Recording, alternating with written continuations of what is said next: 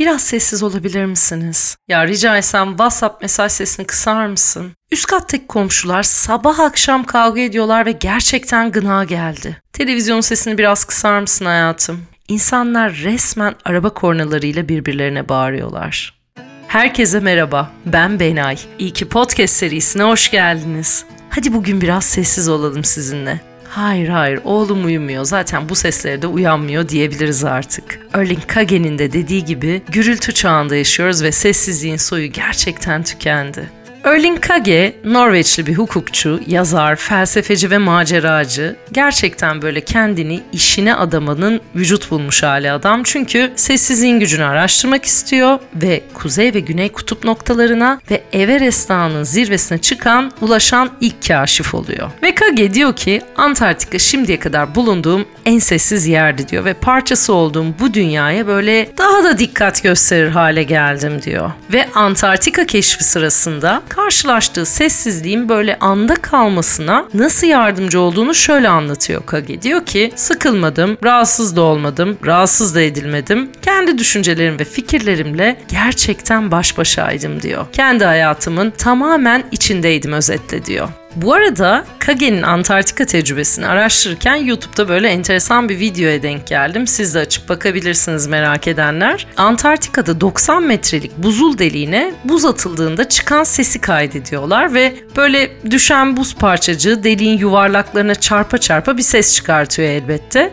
Derinlik arttıkça da sesin frekansı azalıyor. En sonunda da parçacığın dibe çarpmasıyla elbette ses sonlanıyor. Ama o sondaki ses inanılmaz. Hani böyle bilim kurgu filmlerindeki lazer silah sesi gibi. Çiu diye bir sesle bitiyor. Ya da Bugs Bunny'nin sekerek kaçma sesine benzetebiliriz diye düşünüyorum. Çok enteresan da özetle ve bu garip ses Doppler etkisi olarak adlandırılıyor. Yani ses dalgalarının deliğin içindeki yayılma şeklinden kaynaklanan bir ses olarak tanımlanıyor. Ve Kage'ye dönecek olursak Kage'nin sessizlikle ilgili şöyle bir yorumu da var. Diyor ki sessizlik aslında çok böyle üzüntüyle eşleştirilmiş bir kavram gibi geliyor bana diyor. Çünkü ailemle masaya oturduğumda çocuklarımla mesela anca böyle hani üzüntülü bir şey konuşursam masada sessizlik oluşuyordu diyor. Yani mesela yakın arkadaşlarımın Everest'in zirvesine tırmanırken başlarına gelen kötü şeyleri anlattığımda ya da onların vefat ettiğini paylaştığımda masada bir sessizlik oluyordu diyor. Ama aslında neden sessizliğe ihtiyacımız olduğunu anca böyle gerçekten sessizliğe ulaştığımızda anlayabiliyoruz diyor. Yani ona kavuştuğumuzda anlayabiliyoruz ve gerçek sessizliği keşfederken aynı zamanda Sessizliği nerede kaybettik, nasıl kaybettik? İşte ben bunun peşine düştüm diyor Kage. Ve bütün bu deneyimleri akabinde diyor ki sessizlik yeni düşünce biçimlerini açmak için bir anahtardır diyor. Ve bilim de felsefecinin bu teorisini destekliyor. 2001 yılında Washington Üniversitesi'nde nörobilimciler bir araştırma yürütüyorlar ve diyorlar ki şu beynimize bir bakalım. Yani sesin böyle uyarıcı etkisi olmadan beynimiz ne yapıyor acaba diye araştırıyorlar ve ortaya çıkan sonuçlar elbette çok kıymetli ve çarpıcı. Şu sonuç çıkıyor ortaya. Dinlenme durumunda olan beynimizin çalışmaya devam ettiği, hiç durmadan bilgileri algılamaya devam ettiği ve değerlendirmeye devam ettiği sonucu çıkıyor ortaya. Yani sessizlikte de beynimiz aslında oldukça aktif. Yazar Hal Gregerson'ın Harvard Business Review'de bir makalesi yayınlanıyor ve o makalede şundan bahsediyor. Sessizlik yaratmak, yeni fikirler ve bilgilerle karşılaşma ve daha da önemlisi zayıf sinyalleri algılama şansımızı arttırır diyor ve çok katılıyorum. Çünkü mesela işimle ilgili bir basın bülteni yazarken ya da bir makale yazarken ya da herhangi bir öykü yaratmaya çalışıyorken orada karakterlerle birlikte el ele yürüyorken ne kadar fokuslanıyorsam bir o kadar da uzak kalmaya çalışıyorum ürettiğim herhangi bir şeyden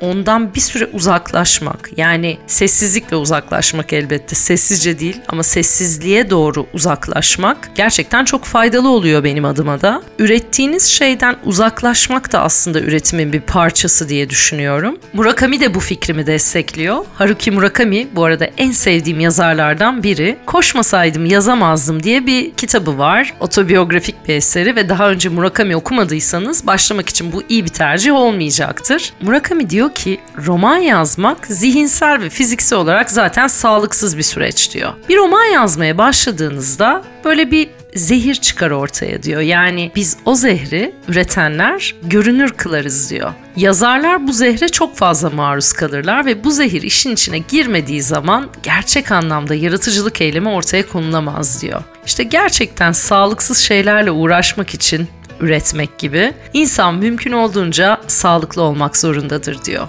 Ve bu kitabında da konsantre olmanın, zihinsel dayanıklılığın, yalnız ve sessiz kalabilmenin faydalarını anlatıyor aslında bize. Sadece üretim aşamaları için değil bu arada elbette. Sohbet için de geçerli mesela sessizliği koruyabilmek. Çünkü sohbet esnasında dinleyebilmek gerçekten çok önemli ve genelde bildiğiniz gibi hepimiz çoğunlukla cevap vermek için dinliyoruz, yorum yapmak için ya da kendimizden örnekler sunmak için dinliyoruz aslında. Her şey aslında hep bizimle ilgili. Evet dinlerken bile, daha doğrusu sohbet ederken bile. Ne yapıyoruz mesela dinlemeye çalışırken? Genelde kafamızda bir terazi oluşuyor. Diyoruz ki mesela bu benim başıma gelse ne yapardım? Hmm, demek ki karşımdakinin bir yoruma ihtiyacı var. Farklı bir bakış açısına ihtiyacı var bunu bana anlattığına göre. Ve hemen yorum yapmaya başlıyoruz. Gerçekten karşımızdakinin mesela yoruma ihtiyacı var mı? Yani yorum için mi anlatıyor bize? Mesela bunu değerlendirme dışı bırakabiliyoruz bazen. Ya da bizden böyle bir şey talep etti mi mesela? Bu dinamiği de genelde arka plana atabiliyoruz bazen.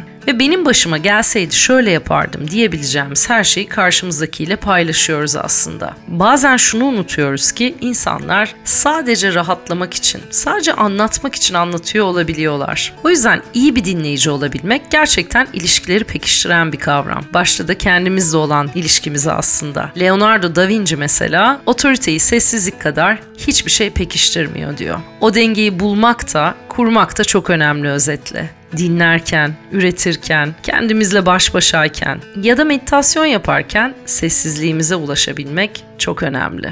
Sessizlik ve meditasyon elbette aynı şeyler değil ama sessizlik için meditasyonun başlangıcı diyebiliriz elbette. Ve meditasyonla iç dünyamızda tam sessizliğe, derin sessizliğe ulaşabiliyoruz aslında. Tam bir sessizlik için sadece çenemizi kapalı tutmak yeterli değil tabii ki. Çenemizi kapalı tutarak sadece sözlerimizi kontrol edebiliyoruz en nihayetinde ama bu zihnimizde dönen düşünceleri durdurmuyor. Biliyorsunuz ağzımızdan çıkan kelimelerin geri alınamayacağı ve bu kelimelerin evrende yankılanmaya devam ettiği söylenir kurduğumuz cümlelere özetle dikkat etmemiz gerekiyor. Bana sorarsanız sadece söylediklerimize değil, söylemediklerimize ve aklımızdan geçen düşüncelere de dikkat etmemiz gerekiyor diye düşünüyorum. Kendimiz için, sevdiklerimiz için ve hatta sevmediklerimiz için. Bir diğer tarafıyla tasavvufun sessizliğine de bakabiliriz elbette. Tasavvuf denilen dünya sesler üstüne değil, sessizlik üstüne kurulu düşünsenize. Yani dış dünya, yani zahir, malum sesler dünyası. Orada konuşanlar var, bağıranlar, çağıranlar, egolar var, kibir var. İç dünya yani batın ise sessizliğin dünyası. Orada başkası yok, dava yok, sen ben yok. Egonun hiçbir çeşidi yok. Şöyle bir cümle var mesela. Sözde mana vardır, manada ise söz yoktur. Oldukça kıymetli bir cümle.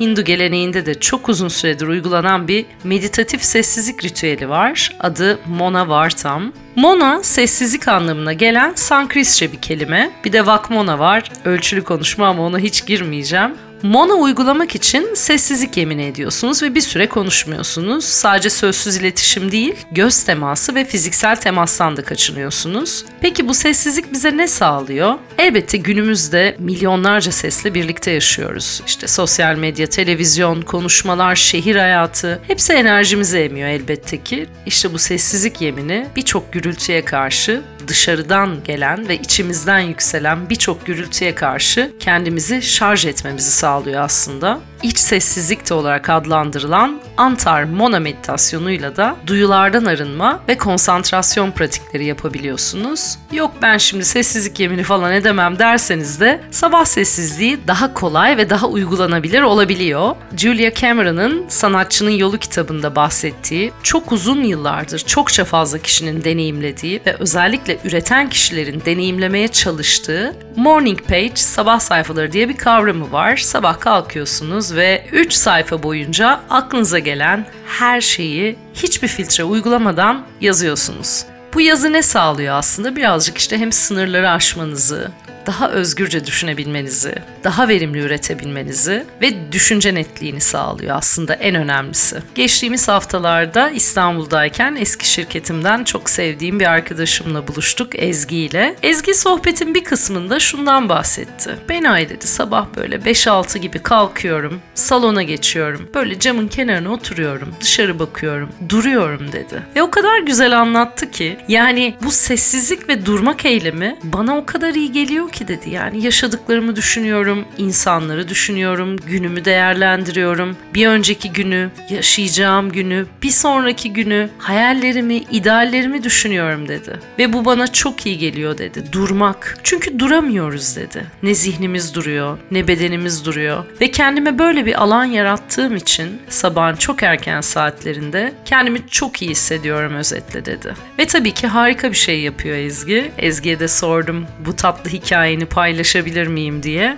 Elbette Benaycım dedi. Normal yazı yazarken de böyleydi ama özellikle podcast'te, podcast sürecinde dinlediğiniz her şeyi, birçok sohbet içeriğini ya da okuduğunuz her şeyi bir şekilde yapacağınız bölümlere entegre etmek istiyorsunuz. Çok enteresan bir algı açılıyor dinlerken insanları. Tabii ki eklemeden önce de soruyorum. Benimle böyle doğal doğal konuşan bütün arkadaşlarıma dönüp yani sen bunu anlattın ama ben şimdi alacağım bunu kullanacağım diye. O yüzden birazcık bu algıyla dinliyorsunuz insanları. O yüzden benimle konuşanlar birazcık dikkatli olsunlar yani. Her zaman dikkatli olsunlar zaten. O ayrı.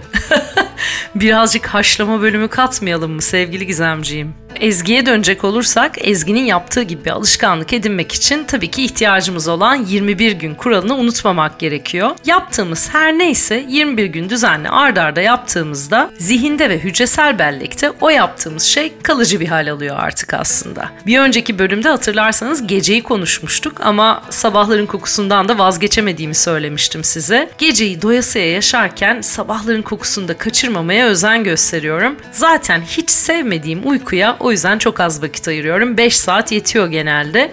Vücudum daha fazlasını isterse daha fazlasına ihtiyaç duyduğunun sinyallerini veriyor zaten. O zaman da uykunun hakkını veriyorum elbette. Özetle sabahın erken saatleri sessizlik için en iyi saatlerden birisi. Hani böyle sabahların kokusu daha ortalıktan kalkmamışken bence böyle en fazla 7 gibi bitiyor o koku. İnsan karışıyor çünkü o sabahlara. O yüzden arzu edenler sabahları kaçırmasınlar diyorum. Bu yaz da uzun bir süre İstanbul ve etrafındaydık ve en yakın dostlarımdan biriyle geçtiğimiz haftalarda bir günlük mola verdik hayata ve Kartepe'ye gittik. Hiçbir bölünme olmadan böyle derin bir sessizliğe ulaştık. Meditasyon yaptık, sohbet ettik. Dostluğumuzun sessizliğini yaşadık aslında hiçbir koşulda bölünmeden. Ve orada arkadaşımla şunu konuştuk aslında. Sevgili Sedacığım dedi ki Benay düşünsene dedi. Yani işte evler vesaire binalar bunlar için bir para bir bedel ödüyoruz bu hayatta aslen doğal olanı tekrar dönmek için tekrar bir bedel ödememiz gerekiyor sonuçta dedi.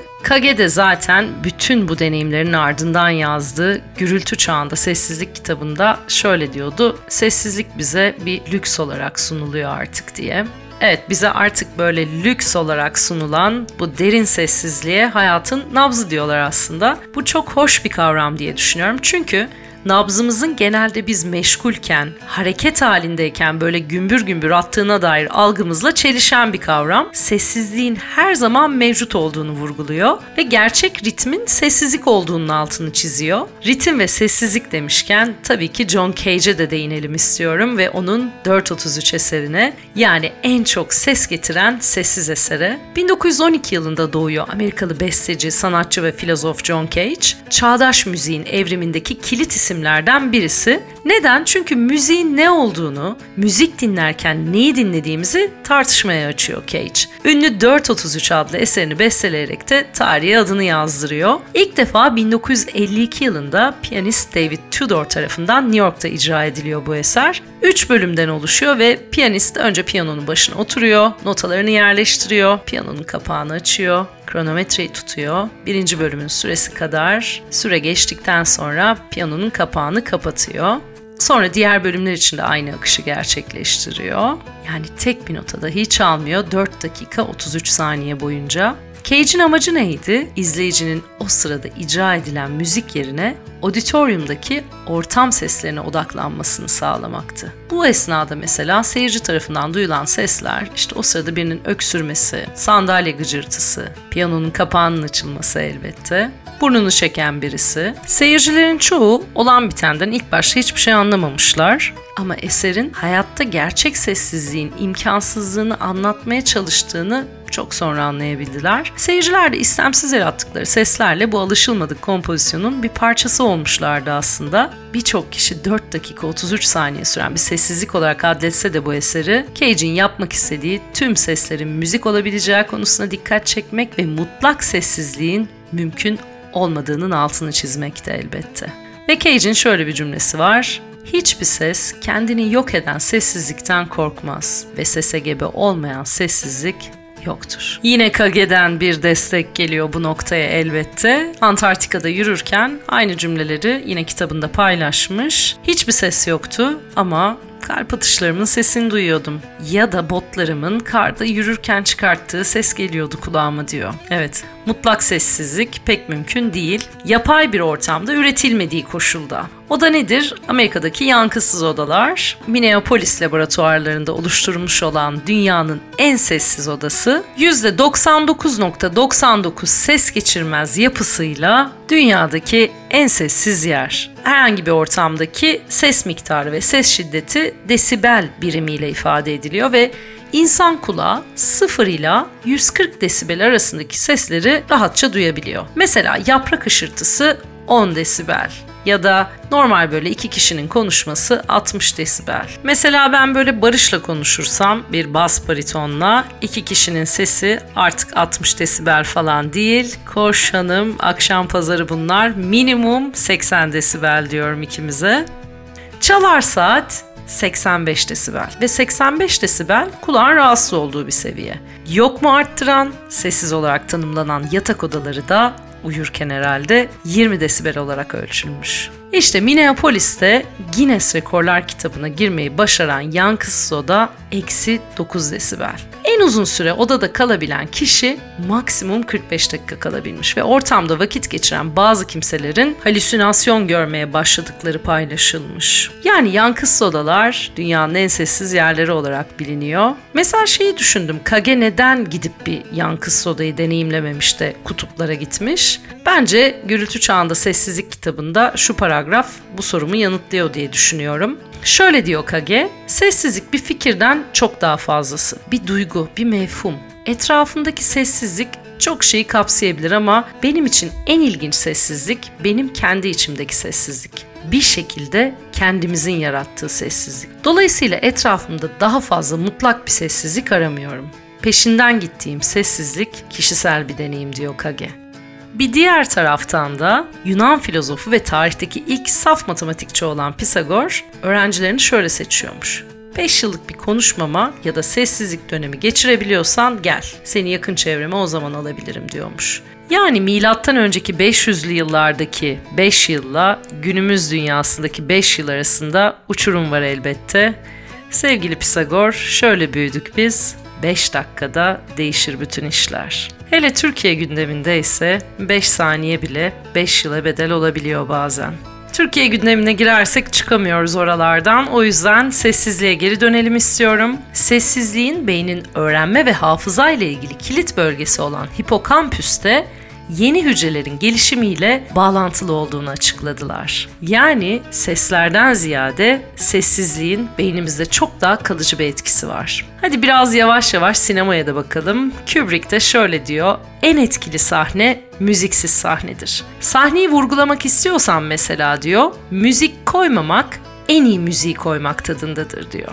Sessizlik demişken Tabii ki sessiz sinemadan da bahsedelim istiyorum. Elbette Charlie Chaplin. Chaplin denildiğinde birçoğumuzun aklında canlanan görüntü hep aynı. O tatlı ve komik bıyığı, melon şapkası, kocaman ayakkabıları, bol pantolonu ve elindeki bastonunu sürekli çevirerek sakar hareketlerle mizansenler oluşturan Chaplin'in ilmek ilmek oluşturduğu Charlo karakteri. Bu arada İsviçre'de oturduğumuz ev Chaplin'in evine de yakın. Veve de Chaplin'in evi. Ev demek birazcık ayıp olur aslında. Malikane demek istiyorum.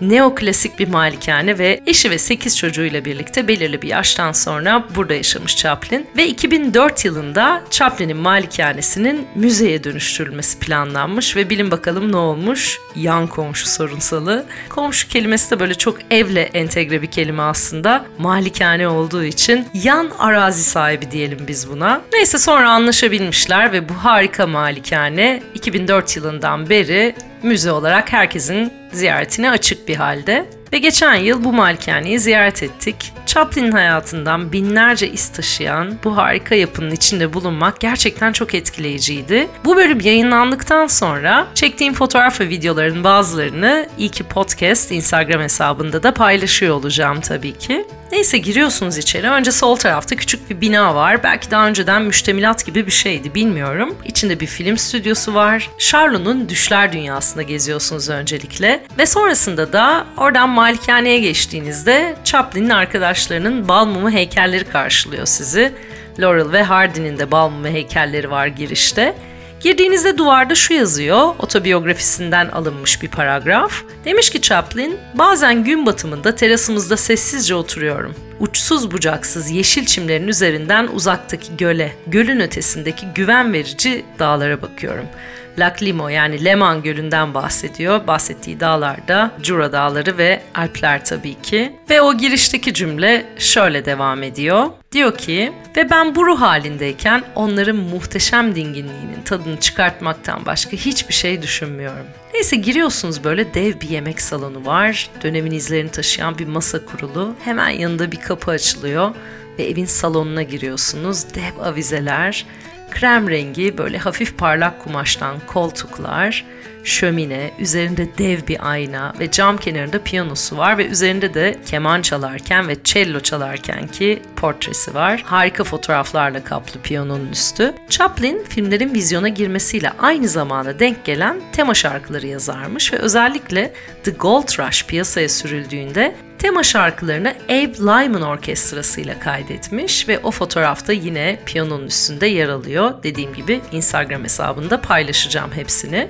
Chaplin'in İsviçre'deki aile evinde müzik sevgisi özetle her zaman devam etmiş. Müzisyenleri ağırlamış. Örnek veriyorum kızıyla birlikte akşam yemeğinden sonra ışıkları kapatarak mum ışığında piyano başına geçmişler. Oturma odasından biraz daha devam ettikten sonra Chaplin'in çalışma odasına geçiliyor. Böyle bordo kadife bir koltuk, çalışma masası, kütüphaneleri ve ve Chaplin'in aklında dönen fikirleri atıfta bulunması için şöyle bir şey yapmışlar çalışmalarını, notlarını ve notalarını tavandaki lambanın etrafına asmışlar. Sonra üst kata çıkıyorsunuz ve banyoda Einstein'ın bal mumu heykeli var aynaya bakarken. Onların arasında geçen efsane bir diyalog var ve o diyalog hem aynanın hem de duvarların üstüne yazılmış. Şöyleydi diyalog. Einstein Chaplin'e şöyle diyor. Sizin sanatınızda en çok takdir ettiğim şey evrensellik. Tek bir kelime bile etmiyorsunuz ve tüm dünya sizi anlıyor diyor. Chaplin de şöyle diyor. Doğru, şey gibi ama. Doğru üstadım. Ama diyor sizin ihtişamınız daha da yüce. Kimse dediğiniz hiçbir şeyi anlamıyor. Ama yine de hayranlık duyuyorlar. Chaplin sinemasının sessizliğinde şu sözlerle açıklayarak bizlere kocaman bir miras bırakıyor. Konuşursam beni sadece İngilizce bilenler anlayacaktı. Ama sessiz bir filmi herkes anlayabilir ve dünya Amerika'dan ibaret değil diyor. Chaplin'i sevgiyle ve alkışlarla anıyoruz. Ve bu bölümü bitirmeden önce sessizliğin bize neler sağladığını şöyle bir toparlayalım istiyorum. Sonra da bu bölümün ilklerine geçiyor olacağız. Psikoterapistler şöyle diyorlar. Sessizlik kendi deneyimlerimize güvenmemize ve yeni bir görme yolu ve bakış açısı bulmamıza yardımcı olur diyorlar. Sessizlik zorluklar ve belirsizliklerle sakin bir şekilde yüzleşmemizi sağlar ve bunun için bize gerekli olan netliği verir aslında. Ve sessizlik kontrolümüzde olmayan şeyler yaşarken kontrolümüzün olduğu şeylere odaklanmamızı sağlar tabii ki. Çünkü sessizlik kim olduğumuzla ilgili derin bir anlayış sağlıyor bize. Sessizlikte erişebildiğimiz böyle dingin bir ruh haliyle verdiğimiz kararlara da güvenebiliriz elbette. Mutluyken mesela daha riskli kararlar verebiliyoruz. Daha hızlı, daha heyecan dolu, daha çabuk karar verebiliyoruz. Ya da canımız bir şeye sıkıldığında daha negatif şeyler düşünebiliyoruz ama dingin ve sağlıklı bir ruh hali bize böyle güvenebileceğimiz kararlar vermemizde yardımcı oluyor elbette. Kendi iç sesimiz ne kadar sağlıklı ve dengeli ise etrafımıza yaydığımız enerji ve ışık da o kadar sağlıklı oluyor. Bunun için de kendi sessizliğimize, kendi senfonimize dönmemize ihtiyaç var. İşte bu yüzden bu bölümün adı Sessizlik Senfonisiydi. O zaman gelelim bu bölümün ilklerine. Hayatımıza renk ve zevk katan sevdiklerimizin yanı sıra kendimizi dinleyebildiğimiz her ana ve içimizdeki tüm kalabalığa iyi ki demek istiyorum. Yerine göre sessizce anlaşabildiğimiz, sözsüz anlaşabildiğimiz sevdiklerimize ve o anlara iyi ki demek istiyorum. Sessiz kalmanın gücünü hissedebildiğimiz, bazen konuşmamayı, susmayı tercih ettiğimiz ve bunu başarabildiğimiz her ana iyi ki demek istiyorum. Her şey önce kendimizde başlıyor az önce de dediğimiz gibi. Sessizliğin bizimle böyle çok ama çok derinlerde konuşan bir dili var ve en doyumsuz sohbeti yapabildiğimiz, kendimizi keşfedebildiğimiz ve sessizlikle yıkanabildiğimiz her ana iyi ki demek istiyorum. Bu bölümü sevgili dostum Digihead Medya'nın da sahibi, sesin ustası sevgili Levent Gündüz'e armağan ediyorum. İyi ki geldiniz. Kendinize iyi bakın. Instagram'dan iyi ki podcast hesabını takip etmeyi unutmayın. Önümüzdeki bölümde görüşmek üzere. Hoşçakalın.